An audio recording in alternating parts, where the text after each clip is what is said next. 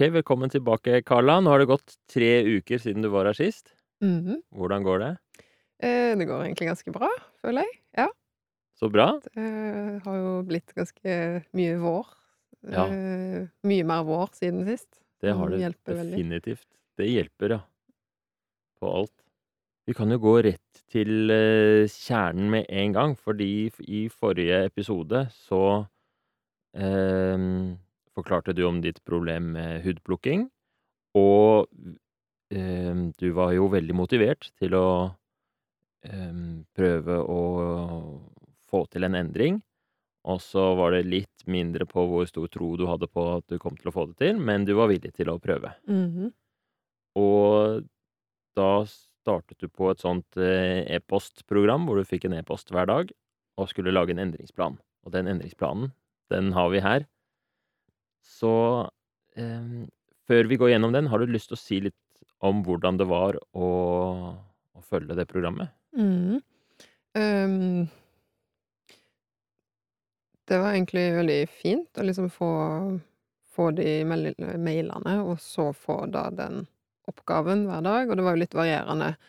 Eh, noen dager så krevde ikke den oppgaven så mye, som jeg egentlig syntes var litt greit, for jeg merka etter, etter hvert så skled det på en måte litt ut, sånn spesielt liksom mot uh, de, den siste uka, så um, så tror jeg, jeg tror også, i og med at vi liksom hadde tre uker imellom, så tror jeg liksom at jeg mentalt sett bare utsatte litt grann, uh, sånn at Ja, ikke sant? Du Du det hadde tre ikke- uker til episoden, og så Ja, hadde du det- to uker med oppgaver. Mm. Så jeg må jo si at jeg på en måte ble ferdig med den planen egentlig, ikke akkurat i går, men, men Ja. eh, ja, noe, noe sånt. det ble sånn skippertak. det. Litt, ja.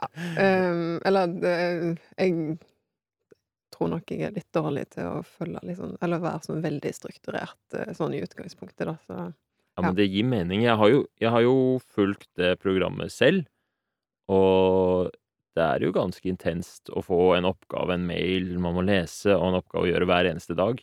Mm, Og det er, det, det, er ikke noe pause, liksom. Det er ikke søndag fri. Her kommer den Mm. hver eneste dag. Og jeg tror det er jo en del Jeg ser jo på det på tallene, liksom. Det er veldig mange som melder seg på etter at de Mm. hører om det i podkasten. Og jeg tror de fleste som melder seg på, får nok en litt dårlig opplevelse, at de blir masete. mm, Fordi man er ikke innstilt på at man faktisk skal gjøre det. Men du har jo øh, faktisk kommet med en lang, fire siders endringsplan her, da. Så du har jo virkelig gjort en kjempeinnsats.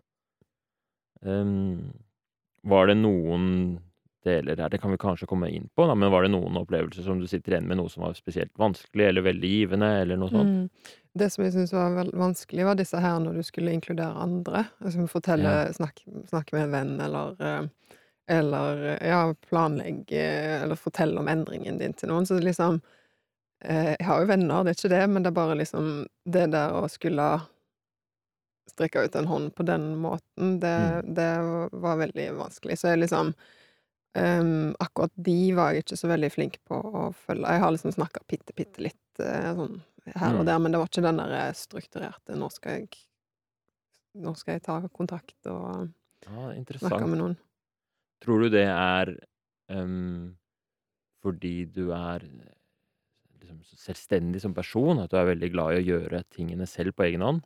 Ja, jeg tror det. Ja. Også litt den derre mm, At uh, Ja, det, da, det å skulle si noe sånt, da, virk, da, da setter jeg meg jo sjøl i en sårbar posisjon. Mm. Uh, selv om jeg tror jo vennene mine hadde uh, akseptert det veldig, veldig fint. Mm. Um, men så er det liksom den der liksom lille stemmen i hodet som er sånn ah, 'Jeg skal ikke mase', eller 'Nei, det er teit', eller uh, Mm. Ja. Er det sånn Kvier du deg for å søke hjelp sånn hos lege og sånn også? jeg tror, eh, jeg tror Sånn som jeg har skjønt det da på, på oss leger, så tror jeg jeg er flink til å Ja. søke hjelp. For det er Eh, veldig vanlig for leger å ikke dra til legen selv, Mm. behandle seg selv. eh, så, så jeg vet Altså, jeg har liksom eh, Ja, jeg føler at jeg har vært flink sånn sett. Men, eh, men ja, det er kanskje noen ting som jeg eh, Altså, som jeg kanskje burde ha bedt om hjelp til, men, eh, Mm. men ikke har gjort det, eller utsatt det veldig lenge. Jeg kjenner meg igjen i det selv også. Det tror jeg veldig mange føler på, at det føles rart å søke hjelp. Eller ja, man setter seg i en sårbar posisjon, og man vil ikke belemre andre, kanskje. Du, jeg er veldig imponert over at du har søkt råd ved å komme hit, da. Det er jo eh, Hvordan var det i forhold? Um, jeg vil jo si det er liksom, en del av liksom min si, personlige utvikling er jo at la oss si for et par år siden så søkte jeg aldri hjelp whatsoever. Da fiksa jeg alt sjøl og alt Altså flytta, bære Altså liksom til, sånn Ja. outsourcing av nesten enhver oppgave var liksom sånn ah, jeg, kan det best sjøl. Eller liksom Ja. Eller eh, eller at jeg liksom ikke skal byrde andre, eller et eller annet Mm. sånt. Men nå, de siste årene, så har jeg vært litt sånn eh, Jeg har vært i noen situasjoner der jeg har liksom blitt tvungen til å søke hjelp, og så funnet ut at eh, sånn Ja, det er jo ikke så gale, eh, og det gjør livet mitt lettere. Mm. Så jeg merker jo det er liksom Jeg kjenner at det liksom er litt sånn rart ennå. Sånn, Mm. Skal jeg virkelig ja, skal jeg virkelig sitte her liksom og eksponere meg så mye? Mm. Interessant det der med søkehjelp og spørre om råd og sånt noe. Jeg tror det er veldig mye klokt man kan si om det.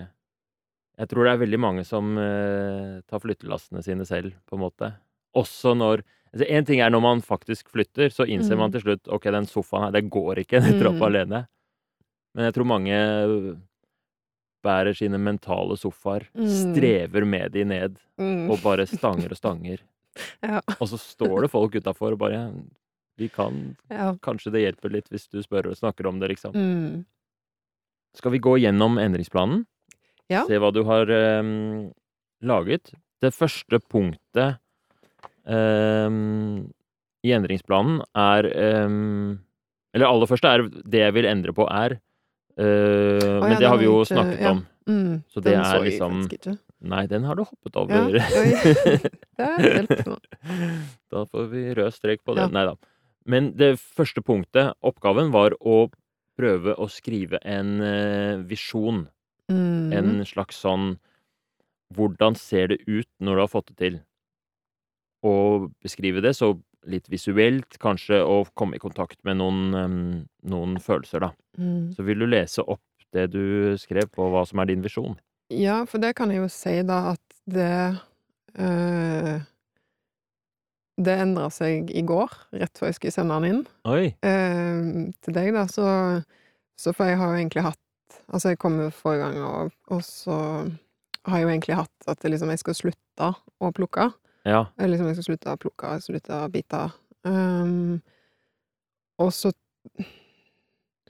tror jeg bare liksom inn, Eller liksom innså at um, At det Jeg vet ikke om det er helt realistisk at jeg kommer til å slutte liksom eh, go cold turkey og liksom aldri plukke mer i hele mitt liv, for det er jo noe som jeg har holdt på med i snart 30 år. Mm.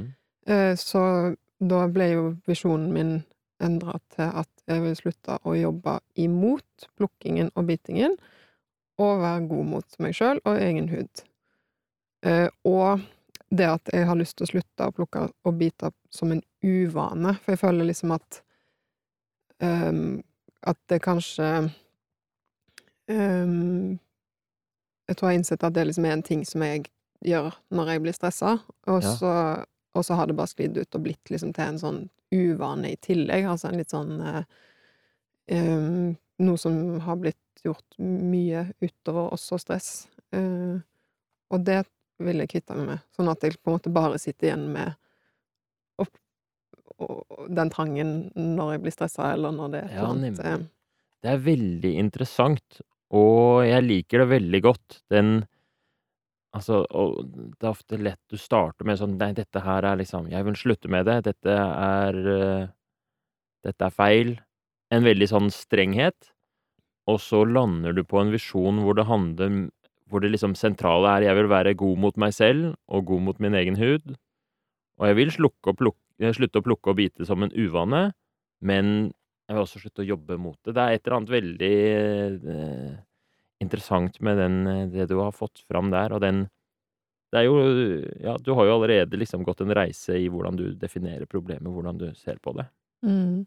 Så da hadde jeg jo Skal jeg bare lese opp det Ja, jeg skrev, gjerne eller? les videre. Um, altså, jeg vil tillate urenheter og ujevnheter å bare være i fred og hele seg sjøl.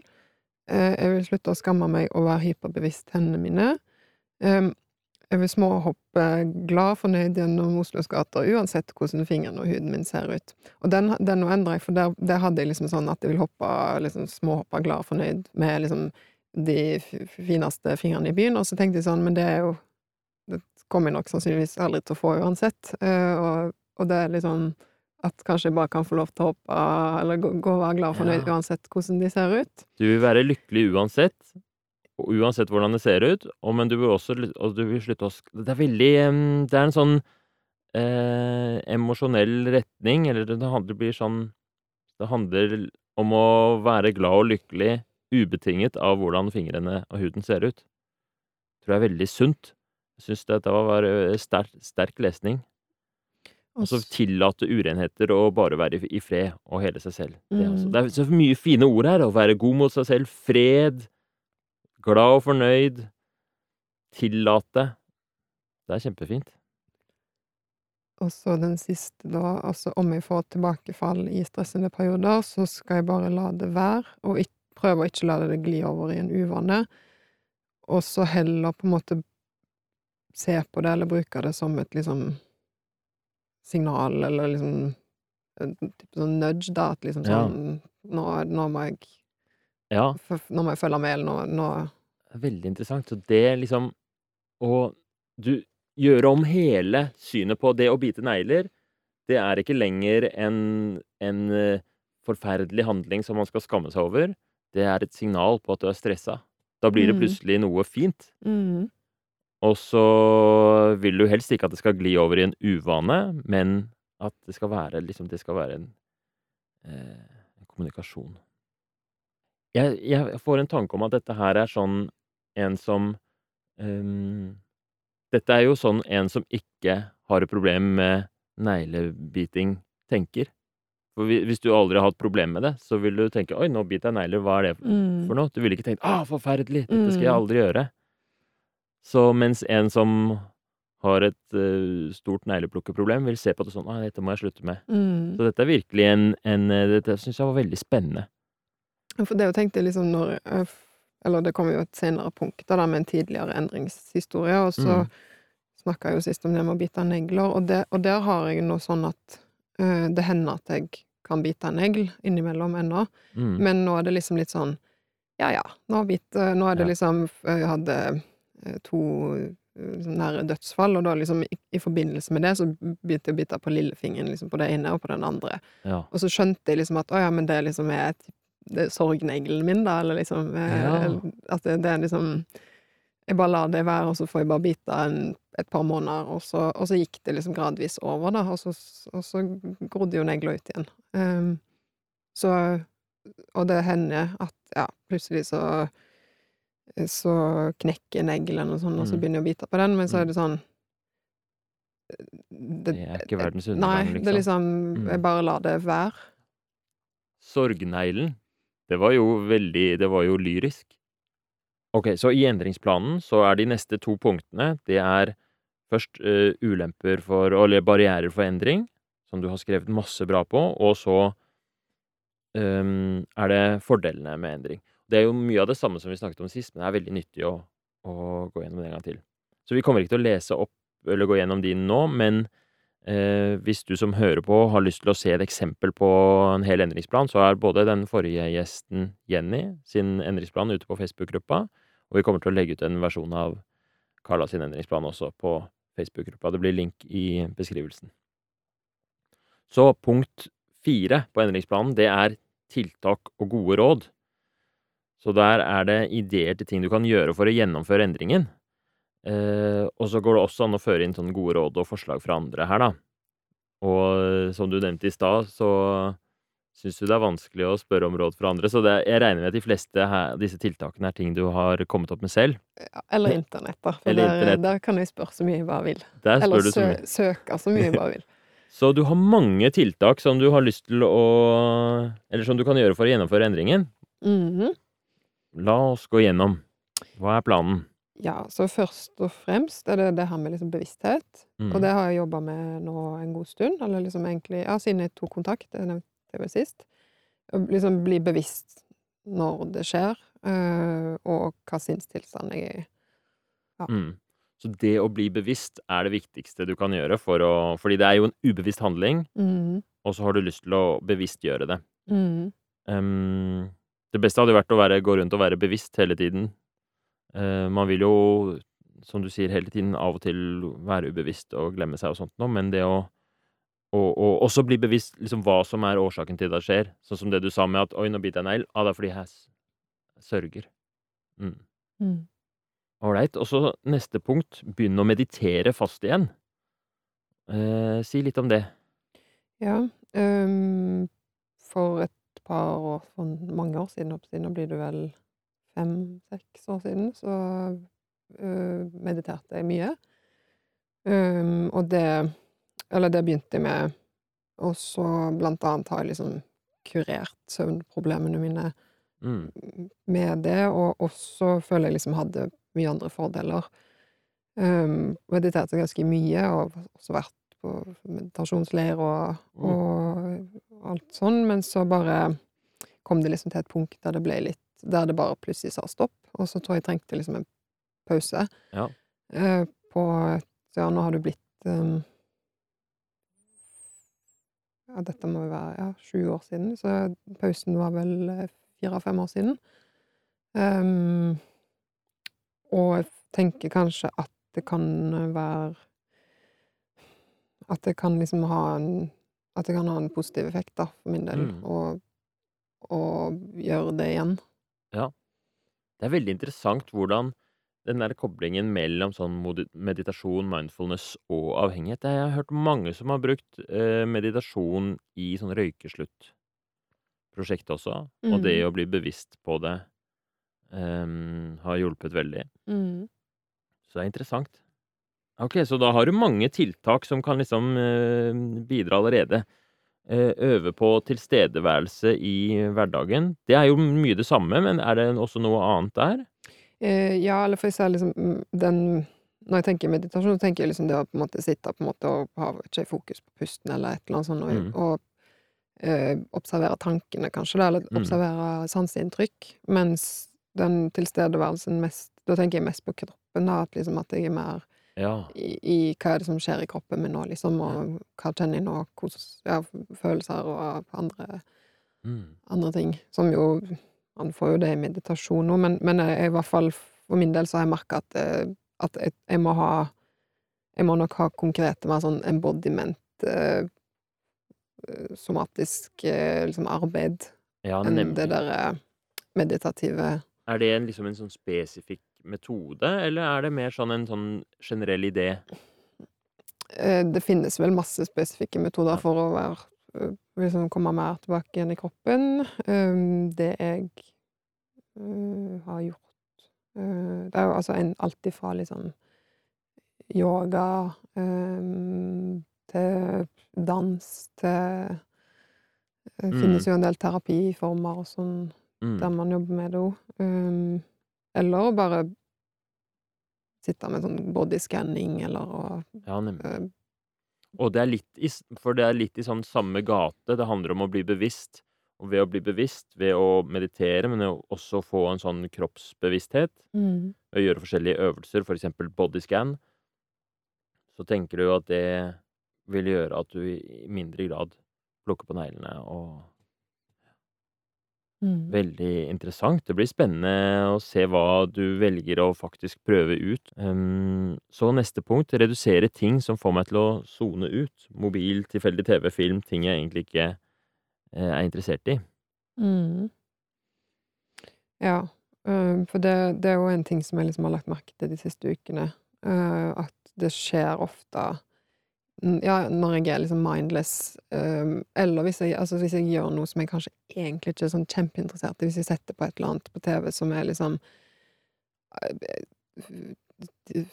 10 av oppmerksomheten min følger med på det, og resten er overalt, så har jeg liksom tenkt sånn Kanskje det er fordi jeg, egentlig ikke har lyst til å se på dette, eller Ja, sånn ja, ja. Det er egentlig ikke det jeg liksom Jeg ser på det av ikke vet jeg hva grunn, liksom, men, Ja. men at jeg egentlig ikke er så veldig interessert i Det det jeg er en sånn med. tanketom stimuli som du egentlig ikke har behov for, men som bare er der. Mm. Og det er det sånne situasjoner hvor du ofte Mm. plukker? Ja. Når det er Ja. det- Interessant.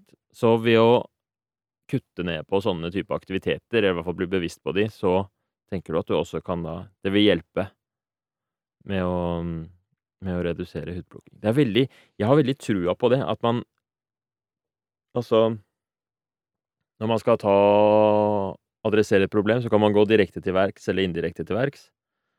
Og jeg har veldig trua på at i tillegg til én ting som er sånn Sette mål, jeg skal slutte å gjøre det, og alle de der indirekte tingene, legge til rette, posisjonere seg. Så hvis man eh, Ja, ikke sant, hvis man har en god meditasjonsrutine oppe og går, hvis man har litt sånn kroppsbevissthetsrutiner oppe og går, hvis man er eh, trives godt med hvordan vanene er med TV-titting og sånt noe, så blir alt mye lettere. Eh, eh, jeg tror du er inne på noe der, altså. Ålreit. Mm. Neste er prøve å kjenne igjen følelsen og behovet bak plukking, og forholde meg til det. Mm. Hva mener du med det? Eh, Snakka vel litt om det sist, men, men også, også opp til det med kjedsomhet og eh, og sona ut og sånn. Um, men ja, at jeg liksom rett og slett skal prøve å, å Ja, hva er det som, hva er det som skjer nå? Hva, Ja. hva, er, hva tilstand er jeg i nå? Og hva er det jeg egentlig trenger, eller hva er det jeg egentlig har lyst til, eller sånn. Så jeg nevnte vel det sist, sånn jeg kan komme hjem fra jobb, være veldig sånn stressaktivert og liksom bare hodet koker, og så kan jeg ha en tanke om at eh, liksom Eller jeg kan ha et, et, en liten del av meg som er sånn åh, skulle gått en tur. Mm. Det hadde vært digg å bare liksom gått, gått, ut i skogen nå, og så bare blir den liksom så svin, Svinner den hen, liksom. Kanskje kommer liksom innimellom litt sånn tur, tur, tur, og så Ja. Men så bare, ja Ender jeg opp med kanskje å bite negler, eller ikke negler, men eh, eh, huden, da. Mm. Eh, Så da vil jeg på en måte tro at kanskje da, hvis jeg Hvis jeg hadde tatt på meg de skoene og gått ut, så Mm. kanskje jeg ikke hadde plukka. Ja, ikke sant? Så både det, det kan jo både være det hvis du hadde tatt og gått turen, så hadde det føltes bra.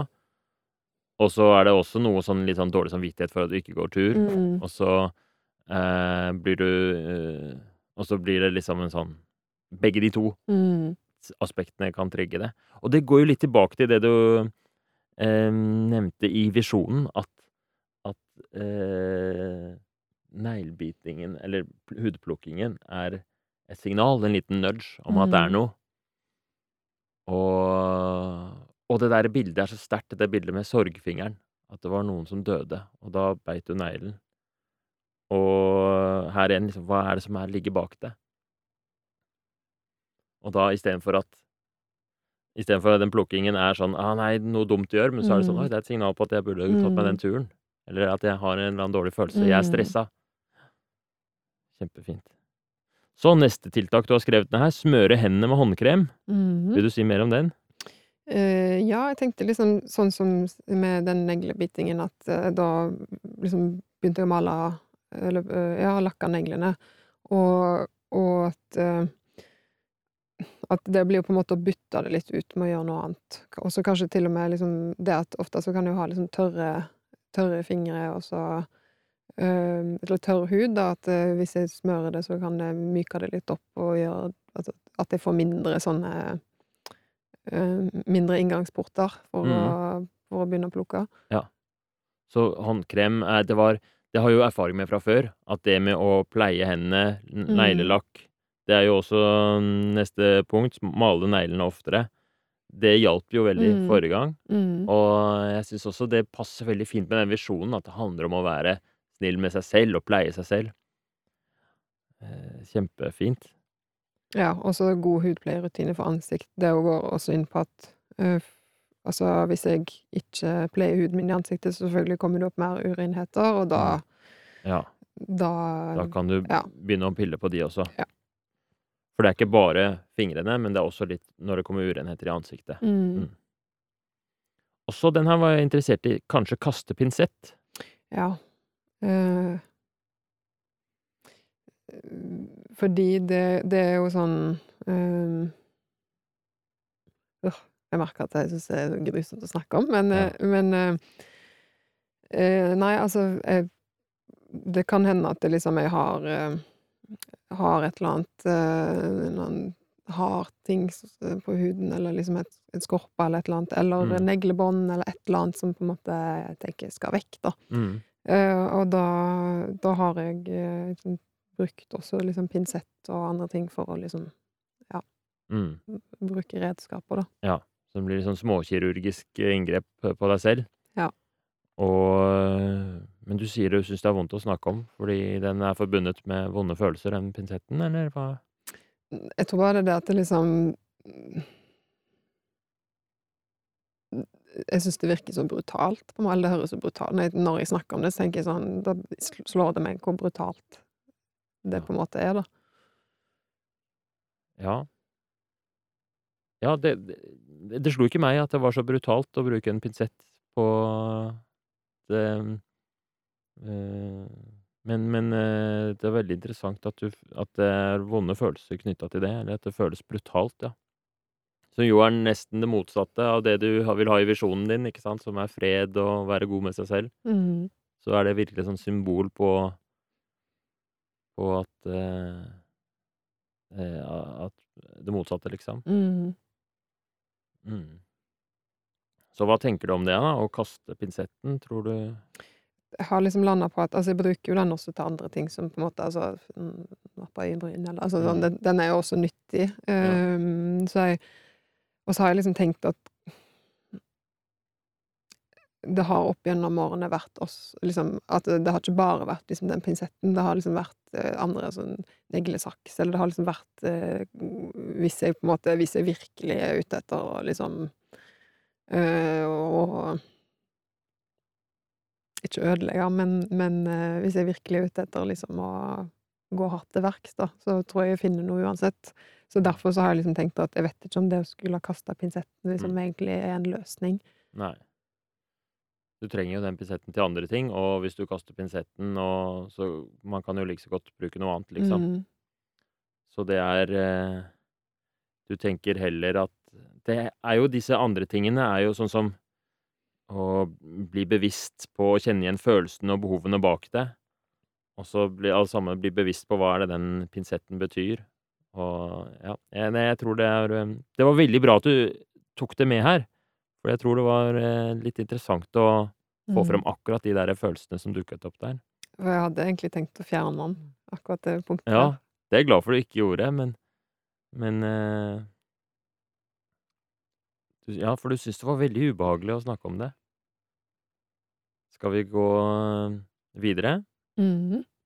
Prøve, det, prøve NAC, det vet jeg ikke hva, hva betyr. Eh, N-acetylcystein, som er okay. et eh, Det er egentlig et kosttilskudd. det, det det samme Altså, bronkyll inneholder acetylcystein. Og så er det Ja. en, er det en annen form eh, som eh, ja, heter N-acetylcystein, som har vist seg i noen studier å hjelpe på, på sånn eh, body focus repetitive behavior, da. Ja, rett og slett et medikament, eller ikke et medikament, men et kosttilskudd, som Mm. viser seg at kan hjelpe. Det er veldig interessant, da. Mm.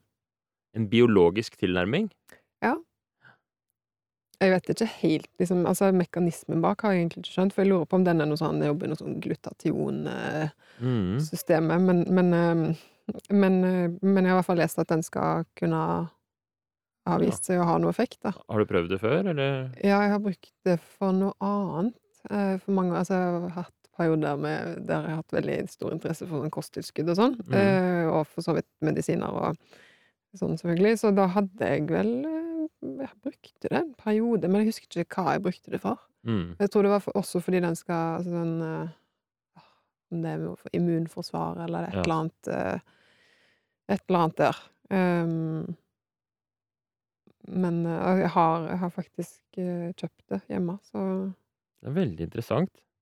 Tenk hvis det um, Ja, tenk hvis det er så enkelt, liksom, at um, Jeg tror nok ikke det liksom jeg, Altså, det er liksom Det er nok ikke det sånn at jeg tar bare den pilla, Mm. og, så, og så gjør jeg ingenting annet. Um, men jeg har tenkt at kanskje liksom det kan være et sånn add-on, eller en, eh, Ja. en tilleggsting, da, for å kanskje jobbe med liksom den trangen, eller det derre Ja, definitivt. Ja, som du sier, det biologiske Nei, det er som du veit etter hvert, det er jo jeg som jobber med atferdsmedisin, vi er jo utrolig glad i den biopsykososiale modellen. mm, Og tenker at ethvert problem har alltid en biologisk komponent, en psykologisk komponent og en sosial omgivelseskomponent. Og det er veldig kult at du adresserer alt her da, i tiltakene. Du har mange psykologiske ting, ikke sant? Hva er følelsen og behovet bak plukkingen? Det er et eksempel på en psykologisk komponent. Og så har du mer sånn sosiale omstendighetskomponenter, ikke sant, med å Det er for eksempel male neglene og kaste pinsett og sånt noe, kan være en del av det. Eh, og så komme og liksom og sette ord på det og snakke om det og være med på en podkast om det, er eh, jo eksempel på det. Og så er dette helt sånn pur biologisk eh, tiltak i tillegg, da, med NAC. Hva var det det het? Hva var det det var for noe igjen? N-acetylcystein. N-acetylcystein. Så øvelser for å regulere nervesystem og følelser. Hva mener du med den? Uh, puste Og det går jo også opp til den der med tilstedeværelse i kropp og mye sånn, men sånn pusteøvelser eller diverse sånn eh, eh, Ikke treningsøvelser, men mer sånn eh, øvelser for å på en måte avspenne eller jobbe med et Mm. eller annet mm,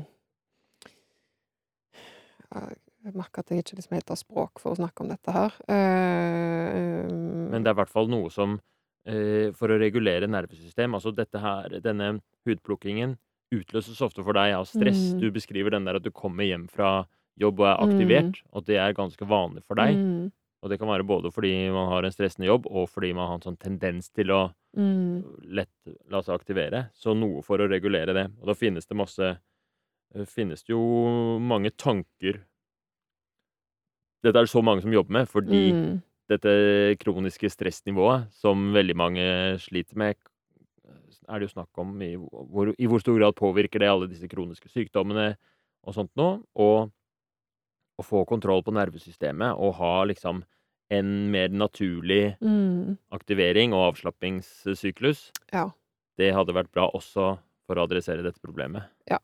Så det jeg har gjort, eller det jeg gjør sånn mm, konkret, er jo sånn yoga, øh, diverse typer, øh, og altså sauna og isbading, Ja. øh, pusteøvelser, um,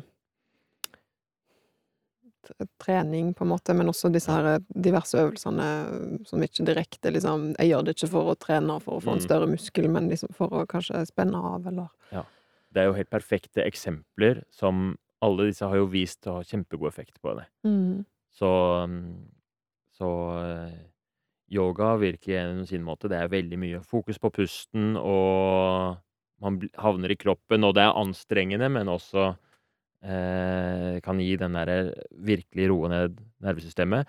Og sauna og isbading har du i det, Jeg hørte en podkast i går, 'Leger om livet', som du sikkert har Ja. hørt også, hvor eh, det var intervju med en eh, Anette intervjuet en sånn dansk Ja, jeg så Eller jeg har ikke hørt episoden, men jeg så Ja. eh, Jeg har tenkt å høre den. Ja, Mm. og hun viser til masse forskning på hvordan isbadingen påvirker eh, nervesystemet, og først stresser det, og så Mm. roer det ned. Og det med at man For det er ikke sånn at man skal gå rundt og være avslappet hele tiden. Så Mm. den derre stresset av et isbad og en sauna, det gir kjempegode effekter, da. Mm.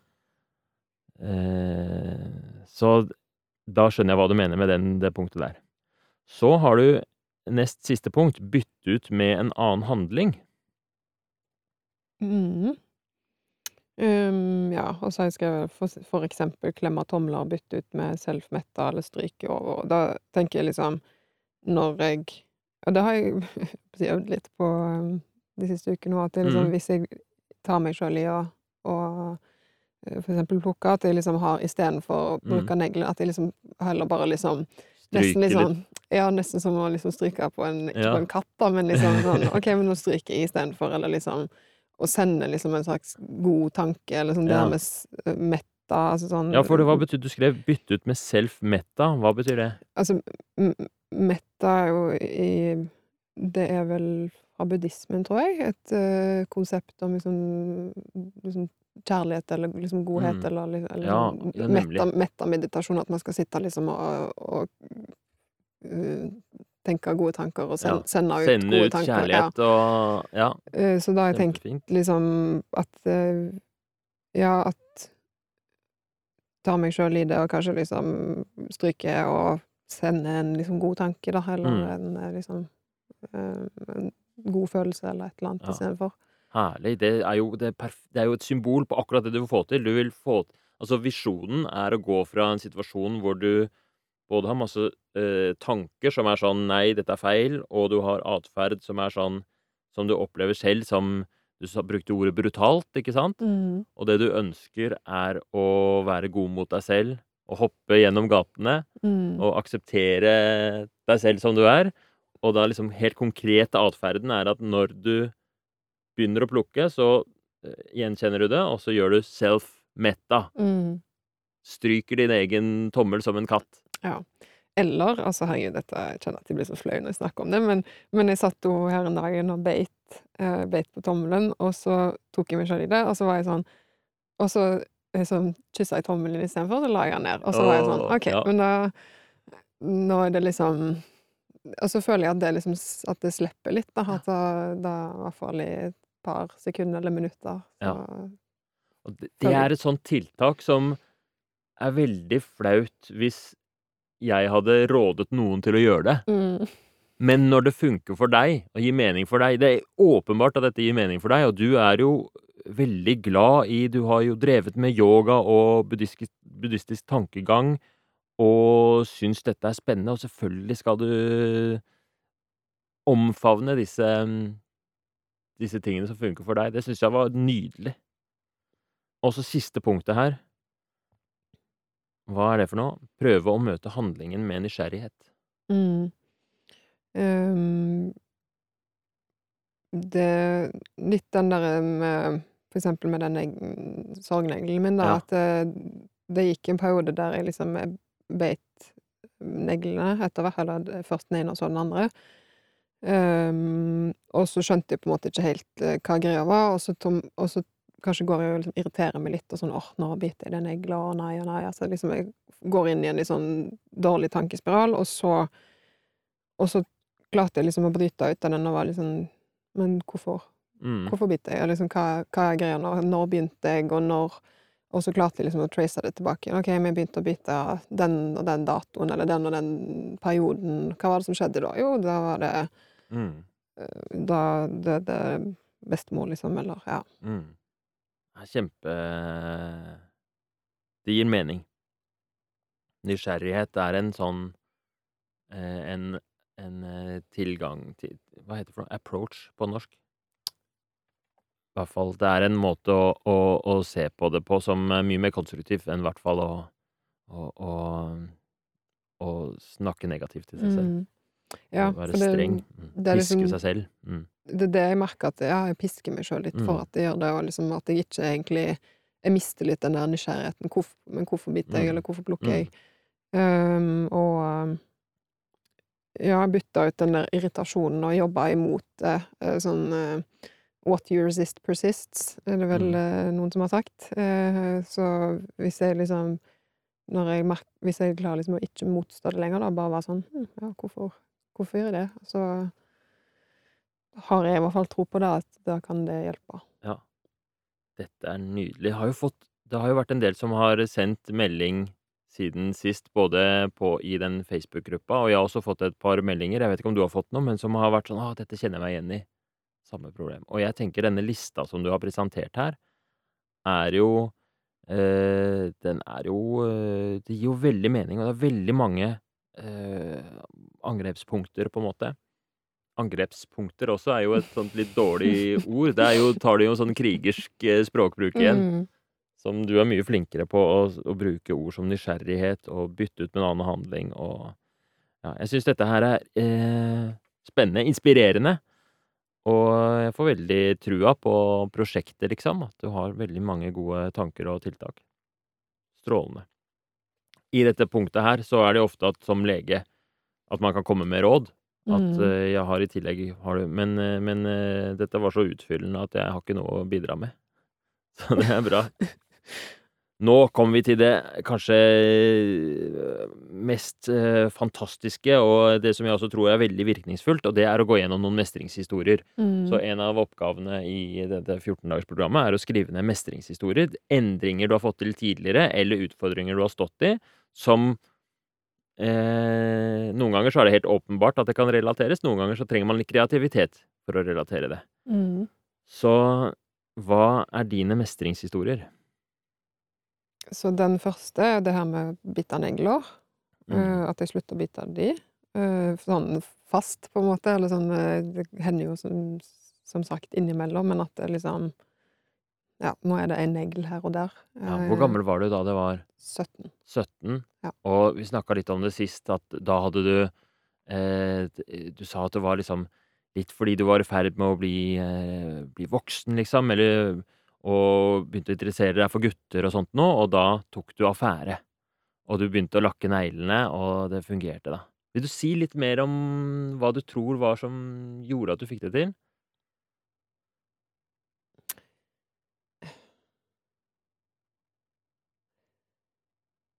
Jeg tror det var liksom en blanding av at liksom Ja, at jeg At jeg eh, gjorde noe annet istedenfor. Altså begynte å lakke neglene og liksom og, og fikk en slags sånn um, byt, Bytta det ut med noe annet. Um, og så Jeg føler liksom at det, det, Jeg føler kanskje ikke jeg var liksom helt bevisst i den perioden, så jeg vet liksom ikke helt om jeg kan si konkret hva som fikk meg til liksom å slutte, eller hvorfor det funka. Det bare liksom Det bare skjedde. Jeg bare Mm. hadde lyst til å Mm. slutte. Og så bestemte jeg meg for det, og så gjorde jeg det. Hva har du lyst til å ta med deg fra den erfaringen til nå, da? Um, Jeg må bare lese gjennom her for å, for å se om jeg har skrevet det ned. Men eh, ja, det ene, ene til det med at det liksom det skjedde Det kom innenfra, da, at det var mitt ønske. Um, og det føler jeg at det er nå også, at det er jeg som har lyst til å slutte å bite og plukke. Um, for det har vært noen år nå der det har vært andre som har sagt Det er andre som har hatt øh, lyst til at jeg skal slutte, og så Mm. da, da går jeg liksom litt sånn i opposisjon til det og bare være sånn Jeg Ja. skal ikke slutte. Mm. Eh, Har det vært det nå, eller eh, da tid, tidligere. Tidligere, Altså, mm, Ja, så det var, det var det med foreldrene dine var veldig på deg Mm. for at du skulle slutte og brukte alle mulige metoder. mm, Og da skjer jo ofte det at man får trass, mm, mens på et eller annet tidspunkt så bestemte du for å gjøre det selv. Mm. Og det vil du ha med deg videre nå også. mm, Så hvis jeg hadde vært sånn 'du må slutte', så hadde det kanskje vært, virket mot sin hensikt. Ja, jeg tror det. Mm. Riktig. Um, og så er det det her med at eh, liksom, jeg gjorde det til en liksom kreativ eller gøy ting med, disse, med den neglelakken og, og alle disse fargene, og um, ja, at jeg nå også både kan male neglene, men ja, smøre en eller annen hudkrem, og kanskje um, gjøre dem til en litt sånn gøyal greie. Ja. Det å, å, å ja, få gøy og kreativitet inn i det, det var en nøkkel. Det syns jeg du har fått til her også, med de tiltakene du har satt. Da. Du har jo til det smøre hendene, male neglene og, og disse mm, forskjellige tingene du bytter det ut med, ikke sant? Og du, in, du inkluderer meditasjon og yoga, ting som du syns Mm. er spennende og interessant. Så ja, det er veldig Mm. Det tror jeg du har Å gjøre det litt lystbonto tror jeg er viktig. Mm. Eh, og så siste punkt er det her med at eh, det at nå så skjer det innimellom, ja, at jeg biter, men da forholder jeg meg til det på en helt annen måte. Nå er det bare liksom Jeg bare lar det være, og så aksepterer jeg liksom at ja, men nå biter jeg den negla, og og så trenger kanskje å bite den negla i en måned, eller noe sånt, og så, og så går det liksom Mm. over. Mm. Ja, veldig bra. Den derre sorgneglen, det er eh, Det blir eh, årets nyord. Veldig Ja. bra. Ok, og du har to endringshistorier til, så Hva vil du gå gjennom eller lese opp, eh, opp eh, opp til deg hvordan du vil gjøre det, den andre endringshistorien? Mestringshistorien, mener jeg. Mm. Ehm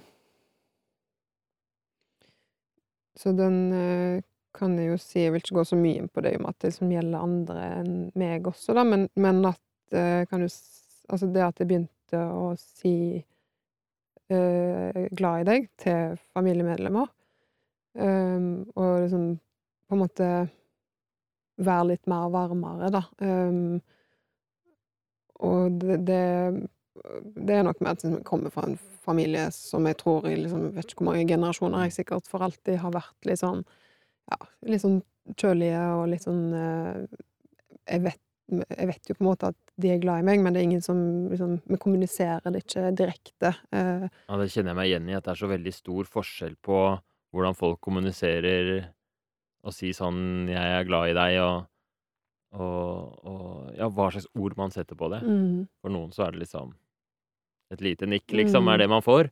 Og kan er det man Det er helt fint, det, liksom, men eh, men eh, Så du hadde da en erfaring med at du tok et bevisst valg om å om å bruke litt mer eh, språk som 'jeg er glad i deg' og sånne ting? mm.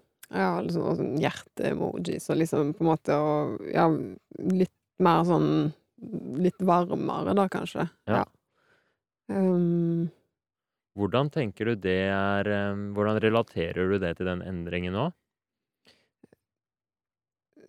det er også det der liksom det med Kall det kjærlighet, da, eller liksom at jeg at det kommer fra et sted om et et ønske om å om å At det skulle bli bedre og mer mer eh, Altså varmere og kjærlig mer kjærlig, liksom. Mm. Så Mm. jeg tror kanskje det også um, Jeg tror hvis jeg liksom hadde tenkt sånn Nå må jeg slutte å bite Jeg må slutte å bite på huden min fordi det er stygt, og det liksom at det liksom Intensjonen eller liksom energien bak, da. eh, Jeg tror jeg trenger at det må være litt sånn fint og, Mm. og godt, og, og um, Mm. intensjonen er god.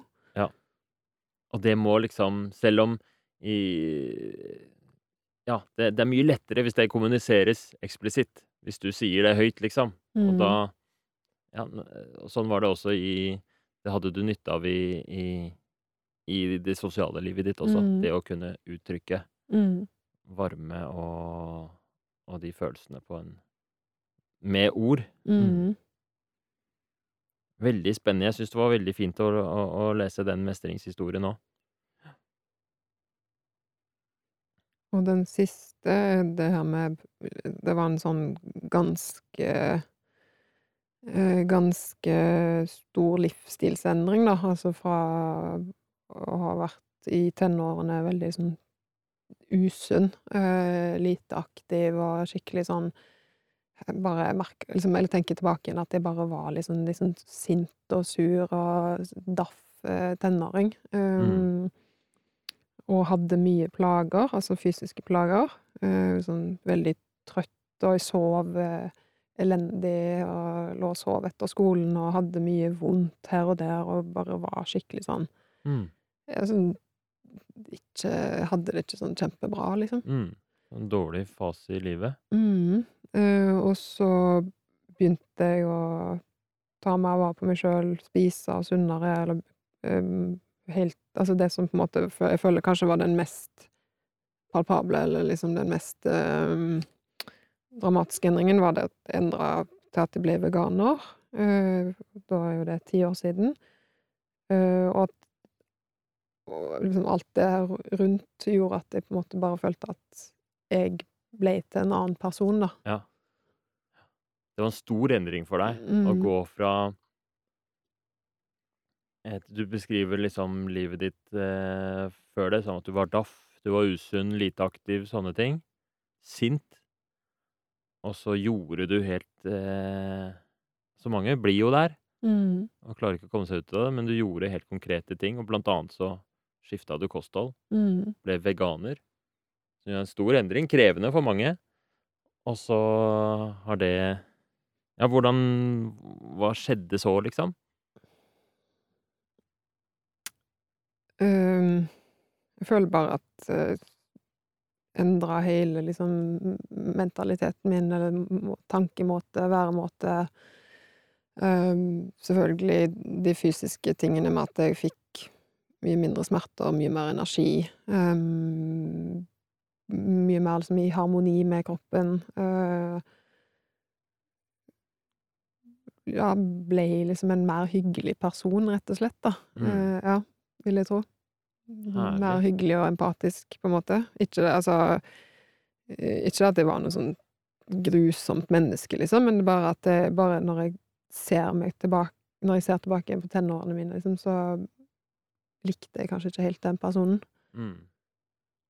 Ja, nei, det gir veldig mening, eh, den opplevelsen, tror jeg mange kjenner seg igjen i. At gjennom å Gjennom å få til liksom de eh, tingene man vil for seg selv, ved å klare å, å leve litt sunt og klare å liksom bli god mot seg selv, så er det mye lettere å være et godt menneske med de rundt seg. Mm. At når man går rundt og har det dritt, så klarer man jo ikke å være så grei med alle andre heller. Mm.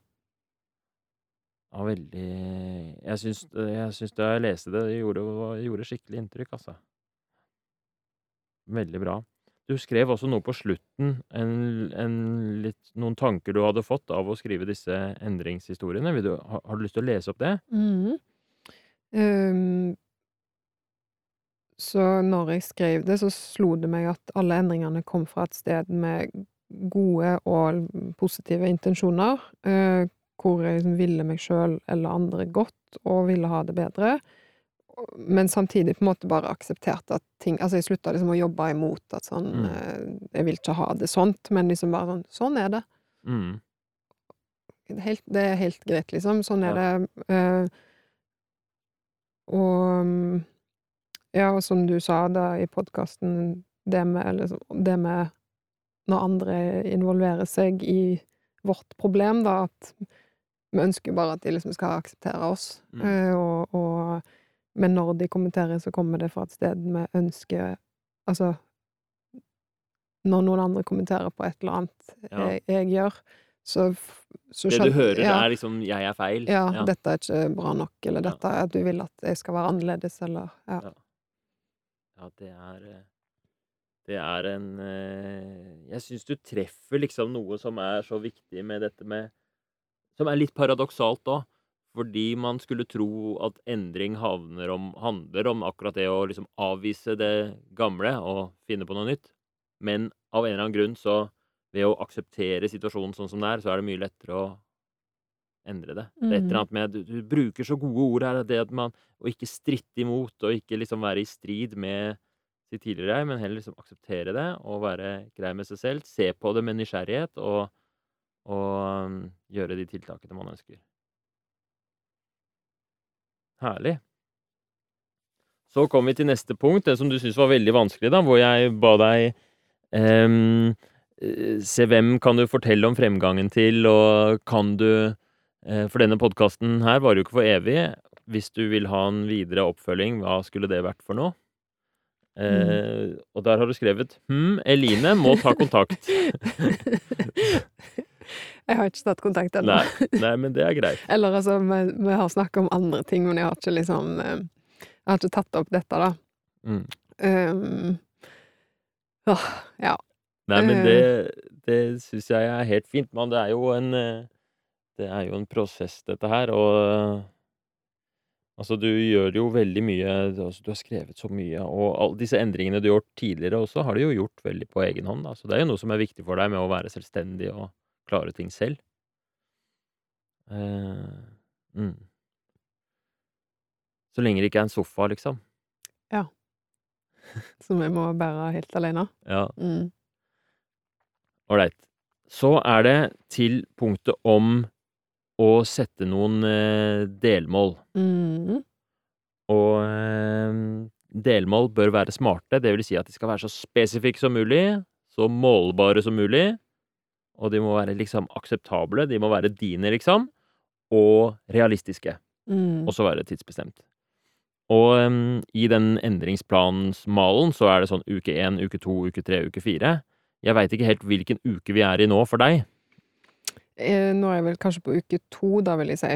Ja. Um, fordi Jeg syns det var litt vanskelig, for det var det å liksom Ja, som du sier, spesifikk, målbare, akseptabel, realistiske. Altså, jeg sleit litt med å liksom finne sånne spesifikke Ja. og veldig sånn konkrete og liksom innramma mål, da. Um, så jeg føler kanskje ikke jeg har lagt sjela mi inn i akkurat de der smarte delmålene der. Ja, nei, de er Jeg leser, kan lese opp. Det første var jeg skal være mer bevisst på når jeg plukker, og prøve å legge merke til når det skjer i løpet av dagen, og legge merke til hva jeg egentlig har behov for. Og skrive det ned eh, tre ganger daglig neste uke. Mm.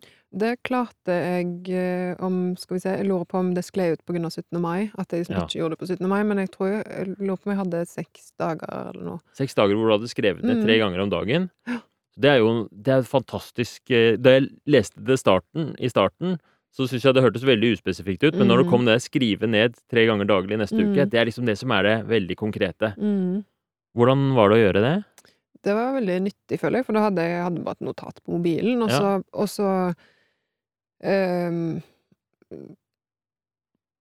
Prøvde på en måte å legge merke til liksom, når jeg holdt på å be- beite eller Mm. plukke, at jeg liksom eh, ringte en bjelle om at oi, nå må jeg Ok, hva, hva skjer nå? Og så at jeg bare noterte det ned. Mm. Um, og det var en sånn Ja, jeg føler det hjalp både på å øke Altså det at jeg måtte, måtte være litt mer bevisst, og at jeg liksom Mm. bytta det jo ut med at da måtte jeg jo gjøre noe annet istedenfor. Um, og at det var liksom konkret som tre, tre ganger, og det gikk egentlig veldig greit. Kjempebra. Det må jo ha vært eh, Altså, eh, det må ha vært veldig lærerikt også. Mm. Så en gjenganger var jo det at det skjer veldig mye på sånn offentlig transport. Altså når jeg sitter Ja. på buss eller tog og liksom, og liksom ja, soner litt ut eller kobler vekk og kanskje skal et sted, og um, det merka jeg liksom var en sånn gjenganger, da. Ja, ble- da kom det ofte sånn trang til å Mm. plukke og bite. Huh. Nemlig. Interessant. Så den uh... Det var bra. Så uke én så hadde du det som mål, og klarte mm, det. Mm. Uke to, hva var målet da? Ja, det var jo et veldig diffust mål, da, men da var det jo det å akseptere og akseptere plukkingen og se på det som kommunikasjon, uten å skrive ned. Så Ja, Ja. så den, den, ikke sant, den er jo eh, uspesifikk. Ja. Den er ikke målbar. nei. Fordi det er veldig vanskelig å kunne si da en uka etterpå har jeg klart det eller ikke. Ja. Så det er um, Det er en veldig fin intensjon, Mm, og som, en, eh, som et tiltak, på en måte, og som et råd, så mm, kan det være kjempebra. Så jeg liker det veldig godt, men som et delmål så mm. fungerer det jo ikke helt, for man kan ikke se tilbake og si sånn 'Denne milepælen har jeg klart'. Ja, jeg merker det. Altså, Mm. fordi ja, som på den første så var det det tre ganger daglig i sju dager, da, eller Mm. det ble jo seks, men, men at det liksom Ja, men da har jeg det. Men nå Ja. Ja, for nå er jeg jo liksom på uke to, og jeg føler at jeg egentlig ikke har Jeg har ingenting å forholde meg til, eller det er liksom Hva skal jeg gjøre? Hva skal du gjøre? Ja, det er akkurat det. Så det og, og, og det som er noe av det beste med et mål, er å liksom å se at Oi, dette målet har jeg klart. Dette, det sånn, når du er ferdig, så blir det en milepæl. Man Mm, kan se tilbake på og være stolt av, og, og ha en verdi da også. mm, Så mm, Så jeg lurte på, kanskje vi skulle eh, Nå har vi jo vi avtalt at vi skal møtes igjen om tre uker. mm. Så kanskje du kunne sette et delmål til samtalen om tre uker? Ja. Eh, Så bruker vi litt tid på det nå. Ja. Så hva tror du er et godt delmål for å, å liksom komme fram til den visjonen som du hadde, da? Som at du liksom Hvis vi skal lese opp den på nytt Du vil slutte å jobbe mot plukking og bitingen, og være god mot deg selv og egen hud. Jeg vil slutte å plukke og bite på den som en uvane. Jeg vil tillate urenheter og ujevnheter, og bare være i fred. Og hele seg selv. Jeg vil slutte å skamme meg og være hyperbevisst hendene mine. Jeg vil småhoppe glad og fornøyd gjennom Oslos gater, uansett hvordan fingrene og huden ser ut. Om jeg får tilbakefall i stressende perioder, skal jeg bare la det være, og ikke la det gli over i en. Heller bruke det som signal, kommunikasjon, nudge. Og så har vi snakket om alle disse eh, tiltakene, og vi har eh, mestringshistoriene som gir oss signal på hvordan, eh, hvordan du fungerer, og hva som er viktig for deg. Hva er et godt mål for deg til neste gang? Hmm. Har du noe forslag? Nei? Det har jeg ikke. Du har jo skrevet noen ned her, da. Du har skrevet eh, ha på neglelakk og håndkrem eh, ved en viss sånn regelmessighet. Mm. Um, og så har du skrevet 'meditere fem minutter på morgenen' Mm. som eh, forslag til delmål. Um, så det er eh, Hva er det som du tenker kunne vært skikkelig fint om du fikk til, men samtidig som føles veldig lett? Som en lavthengende frukt? Naturlig neste steg. Mm. Ja, det var litt vanskelig, syns jeg. Eh, kan jeg liksom bruke en av de jeg har skrevet ned allerede? Ja, ja, selvfølgelig. Det her er ikke noe Det finnes ikke noe fasit. Det er jo bare hva som er riktig, og som gjør Og du trenger ikke være det, det, er ikke noe sånn at vi skal finne ut av dette veldig raskt. Mm. Så ta deg god tid. Men vi skal prøve å komme fram til liksom et mål som gjør at du syns dette her blir skikkelig gøy. Mm. Gøy kanskje ikke, men i hvert fall. Som gir deg noe glede, da. For, så du tenker tilbake. Fy søren, det var en De tre ukene at jeg gjorde det, det var bra. Mm.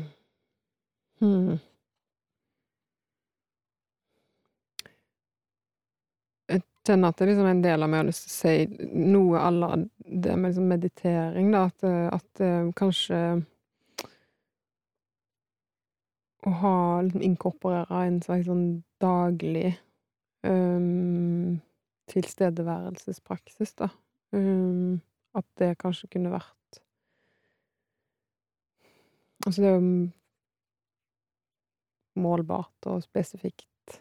Um, hvis det er fem minutter, så det, tror jeg det, det skal være realistisk. Um, men jeg tror jeg har prøvd på det før, men jeg, det har jeg ikke fått det til. Så jeg er Mm. liksom redd for at jeg ikke får det til, og at Ja. jeg blir misfornøyd. Ja, så da er det hakket for eh, ambisiøst, på en måte. Mm. Så mm, Mm. Hva er det med meditasjonen? Du kommer liksom tilbake til den, men du tenker at det er eh, At den kan hjelpe deg med den eh, hudplukking. Noen ganger når det kommer en sånn, et sånt mål som overrasker meg litt, da, fordi det er litt på siden. Mm. For meg så ville det vært mer logisk med noe sånn uh, ha neglelakk eh, eller eller et Mm. eller annet sånt som er litt mer på det. Mm. Så når det er sånn veldig på siden, så tenker jeg av og til enten så er dette veldig lurt, eller så er det en distraksjon eller en frykt. Mm. Mm. Ofte så er det veldig lurt, da. Så er det fordi man har en eller annen sånn magefølelse på at dette her gir mening. Dette er viktig. Jeg tror det er litt eh, Altså, for jeg tenker tilbake igjen på um, når jeg begynte å meditere, og um, det her med søvn, da. At jeg hadde sånn der aha-øyeblikk, nesten som en sånn lyspæreøyeblikk eh, på en, en natt der jeg ikke fikk sove. Eh, der jeg liksom innså at sånn Å ja, men det er jo fordi jeg tenker så mye, og det kan Mm. jeg jo bare ikke gjøre. Eller det kan jeg jo bare Jeg kan jo bare fokusere på pusten, og så Mm. trenger jeg ikke være oppi her, liksom. At jeg var helt, jeg var helt lost, liksom, i, eh, i tanker og bare grubling og bekymringer. Og jeg kjenner på en måte igjen litt at nå når jeg um, Jeg føler meg kanskje min at jeg, at jeg kan liksom forsvinne mer i tankene, da, og at det ofte da den plukkingen skjer når jeg er helt, liksom Helt sånn lost uh, Lost in uh, Ja, i, oppi hodet mitt, på en Mm. måte. Ja. Uh, så tank, eller liksom tanken bak er jo kanskje at hvis jeg Eller ved å meditere, så vil jeg kanskje bli litt mer til stede. Mm. Um, men det er mulig at det også er en distraksjon, da, som du sier. Um, Det som også er en mulighet, er å ikke sette noe mål, mm, og så bare Bare ha, ta en pause, og så neste Har du liksom en lekse til neste gang å sette et mål? mm. Det er jo ingen eh, Det er du som styrer denne prosessen. Hva, spørsmålet er liksom hva er det du får nytte av? Jeg tror egentlig det du nevnte litt eh, med å ha på neglelakk hver dag. Altså, nå har jeg tatt har jeg tatt Jeg kjøpte meg ny neglelakk i går, og så har jeg jo allerede, bare på disse ukene, merka at liksom jeg er blitt mye, mye, mye, mye bedre på å plukke Altså, jeg har noen fingre som på en måte er helt fine, ja. og um, Ja, kanskje det her med håndk... Altså, det å ha på neglelakk og ha, smøre med håndkrem, da, at det kunne vært noe Kanskje jeg skal smøre hånd, liksom ha på neglelakk hver dag og smøre meg inn med håndkrem kanskje to ganger om dagen. Eller én gang om dagen. Ja, en gang om Ja, Eller- en gang en, OK. Ok, Greit. Da har jeg da, Så jeg skal ha på neglelakk eh, hver dag. Eh, og eh, også da Altså bytta, selvfølgelig. Jeg skal ikke ha på samme neglelakk i tre uker, men, eller to uker, men eh, Og smører vi med håndkrem en gang om dagen. Nå smiler du. Er det fordi du liker det målet, eller? Ja, for det er liksom noe som jeg faktisk føler at jeg kan klare. Oh. Og da er det ikke noe som helst eh, krav om det skal være plukking eller noe sånt nå. Mm. Plukkingen er signaler, Mm. og de skal du lytte til og være nysgjerrig på. Og så mm, har du et rituale med å sørge for at du har på neglelakk og håndkrem. Ja. Du sa at det var jeg som eh, kom på det, men det står jo her på lista di over hva som skal skje i uke tre. Ja. Så Så eh, Så da blir dette da Disse ukene til neste gang blir da beretningen om uh, neglelakkukene. Ja. Ja. Det blir veldig spennende å høre hvordan uh, neglelakkterapien uh, fungerer. Ja. Og da har du, bruker du Det er jo da et kjent og kjært metode som du har brukt Mm. tidligere, med veldig god effekt. Mm. Og som passer, syns jeg, veldig godt med alle disse tiltakene du nevnte, med at det handler om å være god mot seg selv. Ja. Og eh, Kjempefint. Jeg tenkte vi kunne avslutte med at du leser opp eh, så, med så mye innlevelse som mulig denne visualiseringen, som var en av de siste oppgavene. Mm. OK. Um, så eh, det er sommer. Um, jeg har på meg en kjole, en sånn lett sommerkjole. Håret mitt er løst. Um, jeg har liksom stelt, stelt meg på morgenen, altså stelt huden, og kanskje det er en kvise der, men den bare er der, og den skal bare få lov til å være der. Eh, og jeg eh, liksom sitter hjemme eller et eller annet sted og kjenner sånn åh, nå har jeg skikkelig lyst til å dra på manikyr. Eh, og så drar jeg bort dit uten å liksom Uten en eneste liksom sånn motstand, eller liksom Jeg, jeg tenker ikke sånn 'Å nei, kanskje da, fordi eh, fingrene mine ser helt maltraktert ut'. Eh, men at jeg bare drar, og så får jeg stelt de neglene og kanskje altså på hendene og på føttene, og så sitter jeg der og liksom faktisk bare er liksom helt avslappa og, og nyte nyte livet. Um, og så eh, får jeg kanskje en sånn tørr hud da på tommelen, eh, og den sprekker litt opp og sånn, og så Det jeg gjør da, det er at jeg smører meg med fuktighetskrem, og så drikker jeg litt vann. Fantastisk. Det var herlig. En veldig fin eh, avslutning.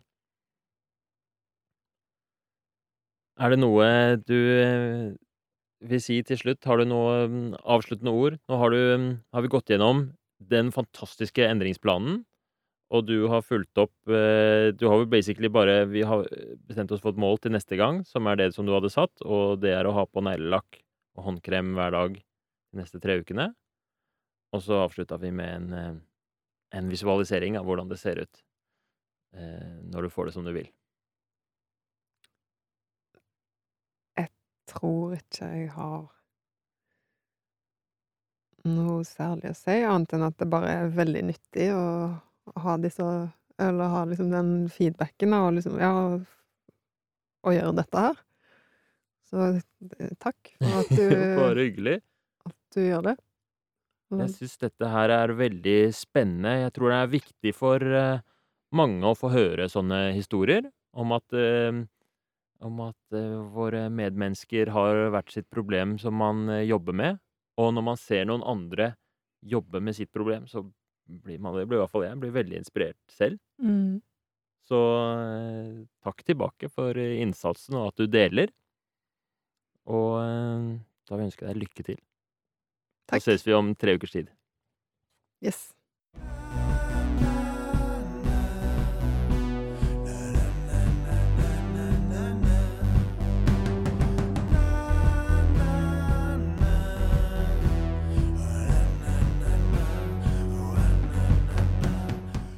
Da er episoden med Carla ferdig. Dette var veldig spennende, virkningsfullt. Vi har gått gjennom den endringsplanen, og den samtalen blir jo da litt spesiell, og jeg tror kanskje eh, Som lytter så kan det være litt vanskelig å henge med når vi leser opp fra en sånn endringsplan. Den eh, Når du hører dette, så er sannsynligvis den endringsplanen lagt ut på Facebook-gruppa til eh, Motiverende intervju. Link i, ligger i beskrivelsen. Så da går det an å, å, å se på den. Og det er også en bit der fra den endringsplanen som vi ikke tok med i intervjuet, som man kan se over hvis man er interessert i det. Men jeg tror det er veldig nyttig det som Carla har gjort nå, fra forrige gang til nå, var at hun har hver dag eh, i 14 dager fått en liten oppgave og skrevet litt etter litt på den endringsplanen. Og det som har skjedd da, er at hun har på en måte um, sett på problemet sitt fra mange forskjellige vinkler. Og det som jo kom fram på en interessant måte, var at den visjonen hun hadde helt på starten Første oppgave var å skrive en visjon. Det var at hun skulle slutte med hudplukkinga. Og så går det to uker hvor hun jobber seg gjennom eh, hva er fordelene, hva er ulempene, hva er liksom rådene og tiltakene, og tenker grundig gjennom hudplukkingproblemet sitt. Og så går hun gjennom disse mestringshistoriene, og så får hun beskjed om å prøve å visualisere hvordan livet ser ut. Og så kommer hun fram til at ok, visjonen min er ikke nødvendigvis det med at jeg skal slutte, men det er det at jeg skal være god mot meg selv. Og den lille endringen der, um, den tror jeg er uh, veldig viktig. Og den er ikke sikkert hadde kommet hvis hun bare hadde ventet på neste time. Derfor er jeg veldig fornøyd med det uh, endringsprogrammet. Uh, og jeg ser jo det er veldig mange som har meldt seg på, fordi det kan hvem som helst gjøre. Send, eh, gå på nettsiden min, hermanegenberg.com, og så melde seg på og få da en e-post hver dag i 14 dager, og lage en endringsplan selv. Så en liten advarsel om det. Um, ikke gjør det hvis du ikke har en konkret ting du vil endre på. Fordi eh, da kommer du bare til å føles masete, og så kommer du til å bli sur på meg for at jeg sender deg mail hver dag, eh, selv om det er automatisk. Men det kommer til å bli sånn ah, jeg orker ikke. Så du må være litt motivert fra før. Så det, er- den, det programmet er først og fremst ment for gjestene som skal gjennomføre en endring, og som har vært litt motiverende i intervju og har bestemt seg og er motiverte. Hvis du er sånn jeg skal, jeg skal gjøre dette, liksom, jeg skal slutte med skjermtid eller gå ned i vekt eller hva det er for noe, gjerne velkommen, eh, men bare vit det at det krever litt motivasjon fra før, da. Noe av det mest interessante fra denne episoden, det var når Carla fortalte at hun hadde ikke klart den oppgaven hvor hun skulle fortelle noen andre om endringen, om prosjektet hun sto i. Og det gir veldig mening. Jeg tror veldig mange av oss er sånn at vi er veldig selvstendige. Vi er opptatt av å klare ting selv. Og det er en god egenskap å være selvstendig. Det er eh, fint å kunne være kapabel til å eh, takle sine egne problemer, men det kan også være en, eh, en byrde for oss. Fordi så mange av problemene som vi lever med i hverdagen, de er litt for vanskelige til å klare selv. Jeg tror vi sliter så mye med forskjellige liksom, avhengigheter, forskjellige prosjekter som vi har lyst til å gjennomføre, små problemer i livene, som blir gående i årevis, og vi kommer ingen vei fordi vi driver og stanger på de selv, og vi er redd for å spørre om råd. Og hvis vi hadde spurt om råd, det er ikke sikkert rådet hadde vært så godt, men vi hadde fått en samtale, vi hadde fått muligheten til å definere hva er det egentlig. Og det som er min erfaring fra alle disse motiverende intervjuene, er at det å bare få snakke ut og sette ord på problemet sitt, de forskjellige fordelene og ulempene, alle de øh, følelsene som er knytta til det, det er det som gjør at vi klarer å gjennomføre det. Og man trenger ikke hjelp, man trenger ikke råd, men man trenger en som lytter til deg, og en som hjelper deg å bare holde litt fokus mens du setter ord på problemet ditt. Så jeg tror at vi alle går rundt med hver våre problemer, og, eh, og gjør det så vanskelig for oss selv. Og det er som den metaforen som kom fram, da. Hvis du skal flytte, og du skal flytte en sofa ned trappa, så må du spørre om hjelp. Du kan ikke flytte den sofaen alene. Men jeg tror at vi går rundt med våre mentale, eksistensielle sofaer i en eller annen trappeoppgang og får ikke den sofaen ut. Vi bare kunne rekt ut en hånd til en eller annen utenfor og sagt du, kunne jeg snakka litt med deg om dette problemet? Og så får vi sofaen i bilen, lett som en plett. Tusen takk for at du har hørt på, eller sett på. Disse episodene er jo nå ute på YouTube, eller på Spotify. Hvis du hører på podkasten på Spotify, så er det bare å gå inn på den, så er det video der også. Eh, så hvis du vil se dette spetakkelet som foregår i Motiverende intervjustudio, gå på YouTube eller Spotify. Gjerne abonner og alt det der. Det hjelper jo masse. Jeg blir kjempeglad, så det kan du gjerne gjøre. Og eh, til slutt, hvis du ikke har fått det med deg, det har altså nå kommet et nytt album på Spotify fra liksom artistsiden eh, min, eh, som heter Takknemlighet. Og eh, det har vært ute i tre dager nå, og det er mange som har hørt på. Jeg har fått masse gode tilbakemeldinger. Det anbefaler jeg å sjekke ut. Det er 20 minutter med en opplevelse, hvor du virkelig kommer til bunns i en slags takknemlig følelse. Og den takknemlige følelsen, det kommer vi litt inn på i intervjuet her også, den tror jeg er viktig eh, at ligger til grunn hvis man skal gjøre en eller annen endring. Ikke gjør en endring fra et sånt desperat, eh, panisk sted. Gjør det fra et rolig, akseptpreget, takknemlig sted. Ha det bra.